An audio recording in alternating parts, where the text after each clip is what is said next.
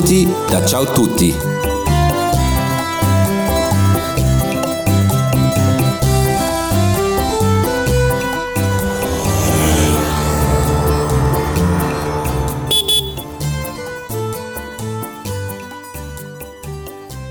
Welkom bij Ciao Tutti's podcast. In deze aflevering maak je kennis met Giuseppe Garibaldi, een van de vaders des vaderlands van Italië. Je bent zijn naam vast wel eens tegengekomen, want er is bijna geen stad in Italië zonder een Via Garibaldi, een Corso Garibaldi of een Piazza Garibaldi. Garibaldi speelde een belangrijke rol in de eenwording van Italië, de Risorgimento, samen met Camillo Cavour, Vittorio Emanuele II en Giuseppe Mazzini. Zonder hem was Italië er misschien wel nooit geweest, constateert Mirjam Bunnik in haar boek Koffiebars en Carabinieri, waarvoor ze een interessante speurtocht naar Garibaldi's standbeelden in Italië ondernam. Maar daarover verderop in deze podcast meer.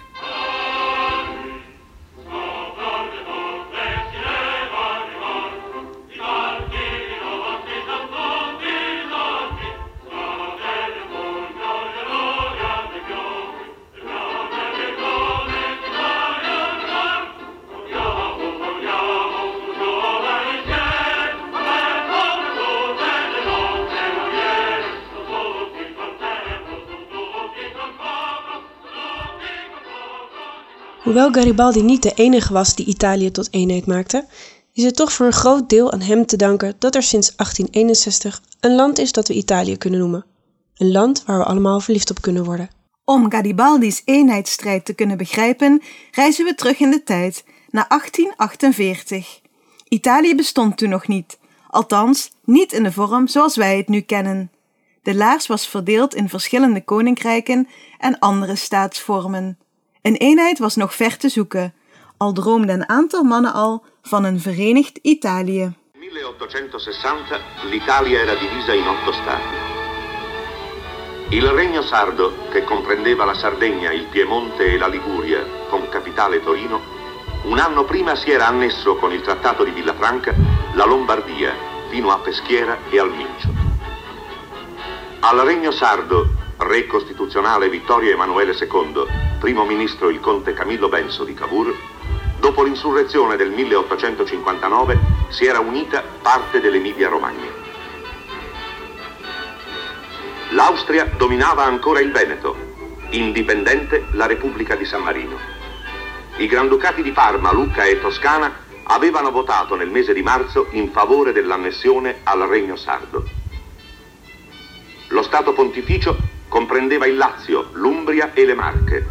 Capitale Roma, il Papa regnante era Pio IX. Il regno delle due Sicilie comprendeva la Campania, Abruzzo Molise, Puglie, Calabria e Sicilia. Re Francesco II di Borbone. Capitale Napoli. De huidige regio Piemonte behoorde in 1848 tot het koninkrijk Sardinië. De koning maakte plannen om ten strijde te trekken tegen staatsvijand nummer 1, Oostenrijk, om het land voorgoed van Italiaanse bodem te verdrijven. Zijn eigen leger was echter niet groot en sterk genoeg om dit voor elkaar te kunnen krijgen. Om Oostenrijk definitief te verslaan, zou hij een leger vanuit heel Italië op de been willen brengen. Camillo Benso di Cavour kon zich wel vinden in de nationalistische ideeën van de koning. Ook hij vond dat de Italiaanse eenheid alleen maar tot stand kon komen als alle staten en staatjes zich tegen de Oostenrijkers zouden keren. In 1852 kreeg Cavour de functie van premier van Piemonte. Hij wist grote mogendheden als Frankrijk en Engeland voor zijn idee van een verenigd Italië te winnen. Zo beloofde de Franse keizer tijdens een geheime ontmoeting met Cavour dat hij een Italiaanse onafhankelijkheidsoorlog zou steunen, mits Italië na afloop van de oorlog Nice en Frankrijk af zou staan. De strijd kon dus beginnen.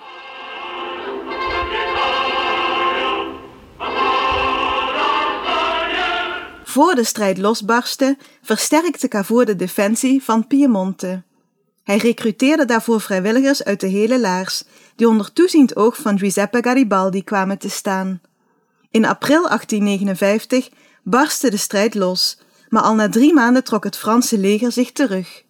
En hoe graag Cavour ook een verenigd Italië wilde bewerkstelligen, zonder de hulp van Frankrijk kreeg hij dit niet voor elkaar. In januari 1860 ondernam Cavour een tweede poging. Dit keer vertrouwde hij niet op de steun van Frankrijk, maar vroeg hij aan Toscane en Emilia of ze zich wilden aansluiten bij Piemonte in de strijd voor de eenheid. Beide regio's hielden een volksstemming en sloten zich in navolging van de wens van de bevolking bij Piemonte aan. In april van datzelfde jaar brak er een grote opstand uit op Sicilië. Dat had eigenlijk niets te maken met de vrijheidsstrijd die in het noorden van het land woedde, maar dankzij Garibaldi's bemoeienis was deze opstand precies het zetje dat de strijd voor de eenheid nodig had. Garibaldi kon namelijk niet verkroppen dat koning Vittorio Emanuele II akkoord was gegaan met de voorwaarden van de Franse keizer om Nice aan Frankrijk te geven. Deze stad was Garibaldi's geboorteplaats, zijn thuis. Dat kon toch niet ineens buiten Italië liggen? Garibaldi wilde zijn stad terug en vormde daarvoor een eigen strijdmacht, die bestond uit ruim duizend soldaten, ook wel I Mille genoemd. Toen hij hoorde van de Siciliaanse opstand, besloot hij met zijn leger naar het eiland af te reizen en van daaruit te kijken of hij een verenigd Italië kon bewerkstelligen. De Siciliaanse opstandelingen voelden daar wel wat voor en Garibaldi's leger werd flink uitgebreid. Hoewel ze weinig kaas hadden gegeten van strijdvoering, wisten ze dankzij hun daadkracht en doorzettingsvermogen het hele eiland binnen twee maanden in te nemen. De strijd om de eenwording werd dit keer dus vanuit het zuiden gevoerd, waarbij Piemonte voor even van het toneel verdwenen was. Sapete dove andiamo? No, generale, Andiamo in Sicilia. in Sicilia. Palermo è insorta. La rivoluzione divampa in tutta l'isola. Il regno di Borbone scricchiola da tutte le parti. Alberto, tutte le strade conducono a Roma. No, Certo, quella che passa per la Sicilia non è la più breve. E non è nemmeno la più facile. Een leuke anekdote is overigens dat het verhaal gaat dat de Siciliaanse boeren helemaal niet wisten dat ze streden voor een verenigd Italië. Toen Garibaldi voet aan wal zette op het eiland, kondigde hij aan dat iedereen moest vechten voor l'Italia. De Sicilianen meenden echter dat hij L'Italia zei en dat dit de naam van de vrouw van de koning was. Zij vochten dus eigenlijk voor de koningin en niet zozeer voor een verenigd Italië. Cavour was niet zo blij met Garibaldi's actie. Hij wilde ook zelf een grote rol spelen in de eenheidsstrijd en was bang dat Garibaldi het gras voor zijn voeten weg zou maaien. Hij stelde dan ook voor om Sicilië toe te laten tot het koninkrijk Sardinië, om zo samen de strijd voort te kunnen zetten. Maar Garibaldi was niet te stuiten. Hij stak de straat van Messina over en zette koers naar Napels, de hoofdstad van het Zuid-Italiaanse koninkrijk. Zijn volgende doel was Rome, waar hij Vittorio Emanuele il II wilde uitroepen tot koning van heel Italië. Cavour dwarsboomde deze plannen. Als Garibaldi het pauselijke gebied zou binnenvallen, waartoe Rome in die tijd behoorde, zouden ook de legers van Frankrijk en Oostenrijk weer op het toneel verschijnen. Het pauselijke gebied was namelijk van alle katholieken. Cavour trok met zijn leger naar het zuiden om Garibaldi tegen te houden. Hij organiseerde een aantal volksstemmingen om te kijken wat de bevolking van het zuiden nu precies wilde. Hun wens was duidelijk. Men wilde zich aansluiten bij Piemonte in een verenigd Italië. En zo geschiedde. Op 17 maart 1861 werd in het Palazzo Carignano in Turijn de Italiaanse eenheid uitgeroepen. Vittorio Emanuele II werd de eerste koning van het Verenigd Italië en Turijn werd de allereerste hoofdstad. 17 marzo 1861. Con la legge numero 4671 del Regno di Sardegna viene proclamata la nascita del Regno d'Italia. Il re Vittorio Emanuele II assume per sé e per i suoi successori il titolo di Re d'Italia. La carica di primo presidente del Consiglio dei Ministri del nuovo Stato viene assunta da Camillo Benso, conte di Cavour. Con la nascita del nuovo regno, lo Statuto Albertino, concesso da Carlo Alberto il 4 marzo 1848 ai sudditi del Regno di Sardegna, viene esteso a tutti i nuovi sudditi. Vandaar dus dat je de naam van Garibaldi overal in Italië tegenkomt. Mirjam Bunnik wijdt in haar boek Koffiebars en Carabinieri een heel hoofdstuk aan deze Italiaanse held. Als ze zou kunnen reizen in de tijd en één personage uit de Italiaanse geschiedenis zou mogen ontmoeten, dan zou ze Giuseppe Garibaldi kiezen. Ze vertelt ons waarom.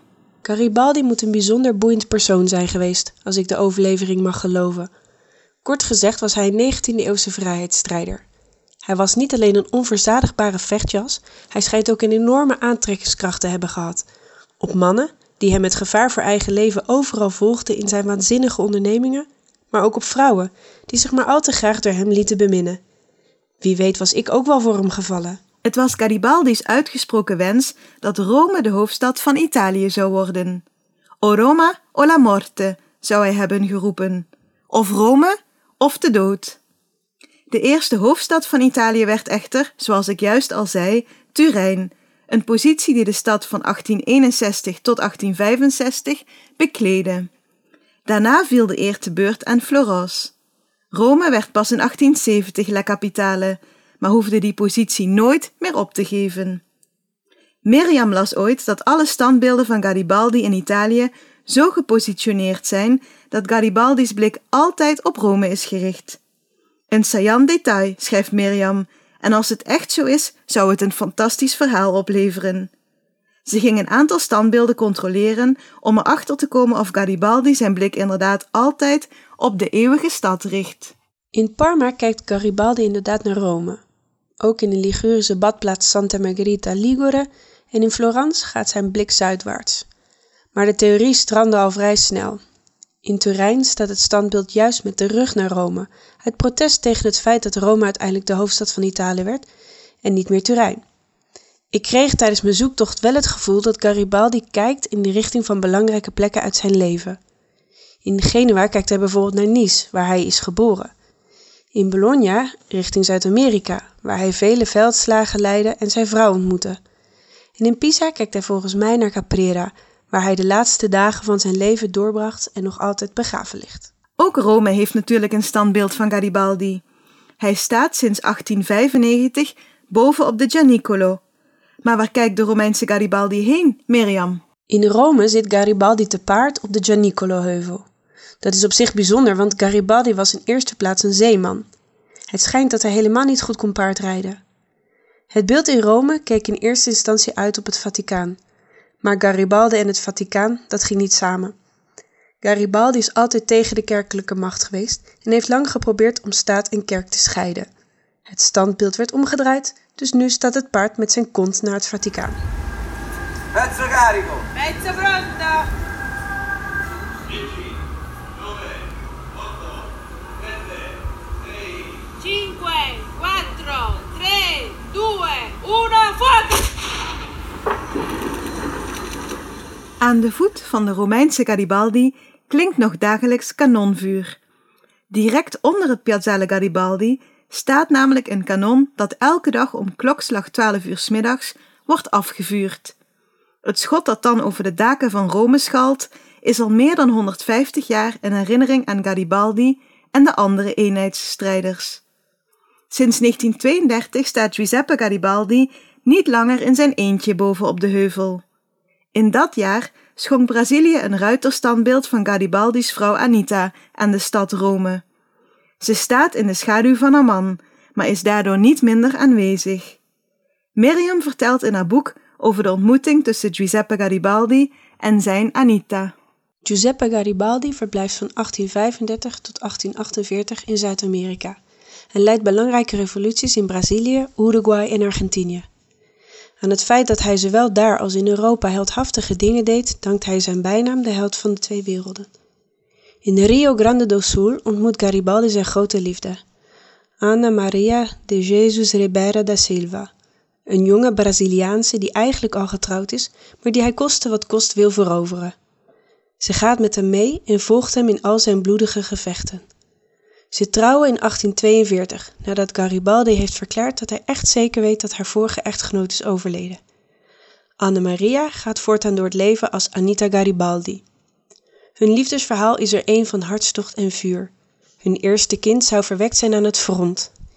In de tien jaar dat ze samen zijn, Anita leerde Giuseppe kennen toen ze 18 was en stierf op haar 28ste, leiden ze samen drie revoluties en krijgen ze vijf kinderen.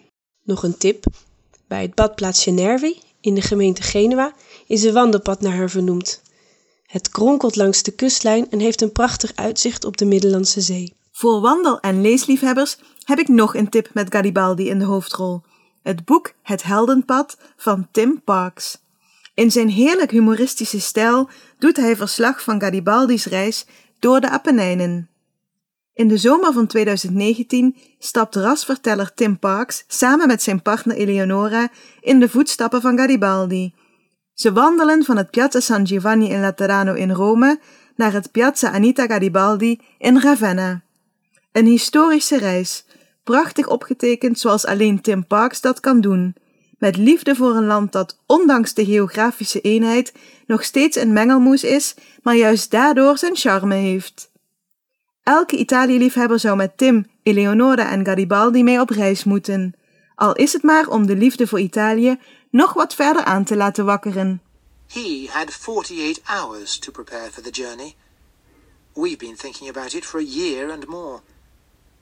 4,000 infantry had to be organized, 800 cavalry, mules, carts, munitions, food, medical services, a cannon. He was disappointed, having hoped for 10,000. We always knew it would be just us two with our backpacks. Still, we are leaving from the same place. Piazza San Giovanni in Laterano, Rome. The white facade of the basilica looms in the dark, its huge stone apostles silhouetted against the sky. He set out at sunset and had his men march through the night. No smoking was allowed. Orders were whispered down the lines. The enemy must not get wind. Als je meer wil weten over Garibaldi en de Italiaanse eenwording, dan kun je een bezoek brengen aan het Museo del Risorgimento in Turijn. Dat is gevestigd in het Palazzo Carignano. In dit palazzo werd Vittorio Emanuele II geboren. Ook werd hier in 1861 het Koninkrijk Italië uitgeroepen. In zo'n dertig zalen ontrafel je de geschiedenis van het huidige Italië, dat ontstond uit een lappendeken van onafhankelijke staatsvormen. Je ziet onder meer de studeerkamer van Cavour, maakt kennis met Giuseppe Garibaldi en zijn leger van roodhemden en bewondert de zaal waarin het allereerste parlement van Italië bijeenkwam. De stoelen van Cavour en Garibaldi herken je aan de groen-wit-rode decoraties.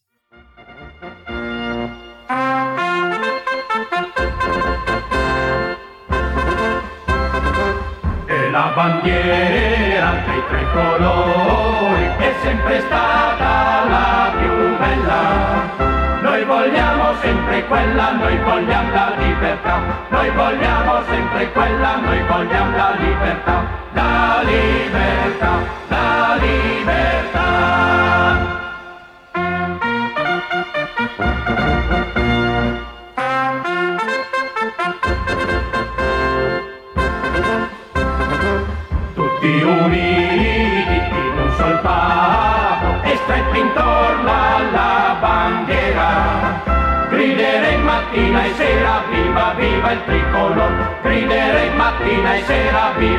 Viva il tricolor.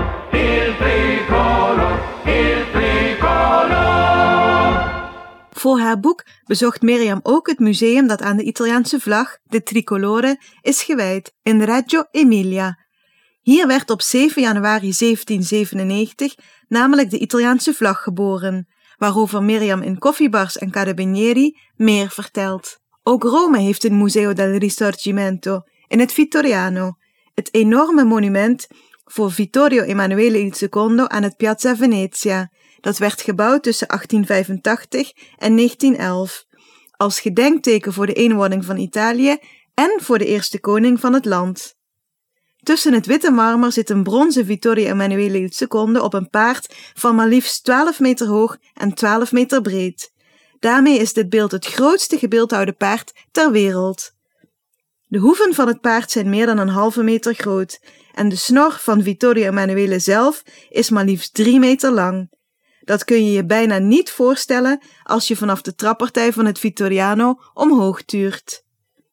Voor het paard was maar liefst 50 ton brons nodig, dat ter beschikking werd gesteld door het ministerie van Oorlog, in de vorm van kanonnen die konden worden omgesmolten. In de buik van het paard zit een goed bewaard geheim, volgens de verhalen van de Romeinen althans. Ter gelegenheid van de inhuldiging van het monument, waarbij koning Vittorio Emanuele il Terzo aanwezig zou zijn, zou er namelijk gedineerd zijn in de buik van het paard. Vlak voordat de twee helften waaruit het paard bestond aan elkaar gelast werden, organiseerde men een etentje in de buik. Zo'n twintig vooraanstaande mannen zouden samen met de koning hebben genoten van brood, pasta en een goed glas wijn.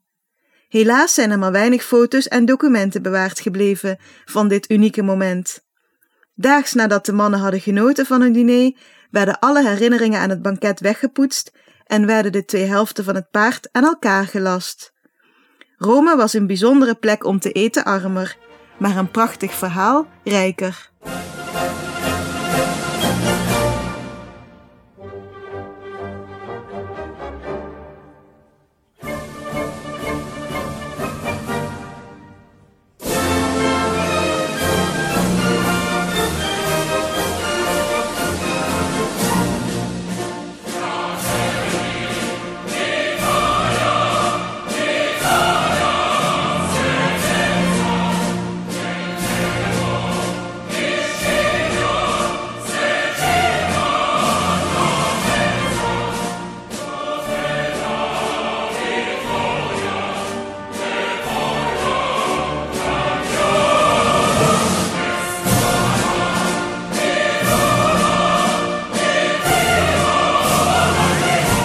Grazie voor het luisteren naar deze Garibaldi-podcast.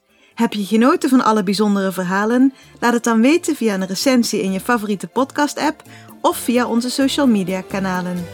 Wil je nog meer weten over Italië? Kijk dan eens op ciaotutti.nl en laat je betoveren door de mooiste verhalen over Il Bel Paese. Alla prossima, tot de volgende keer!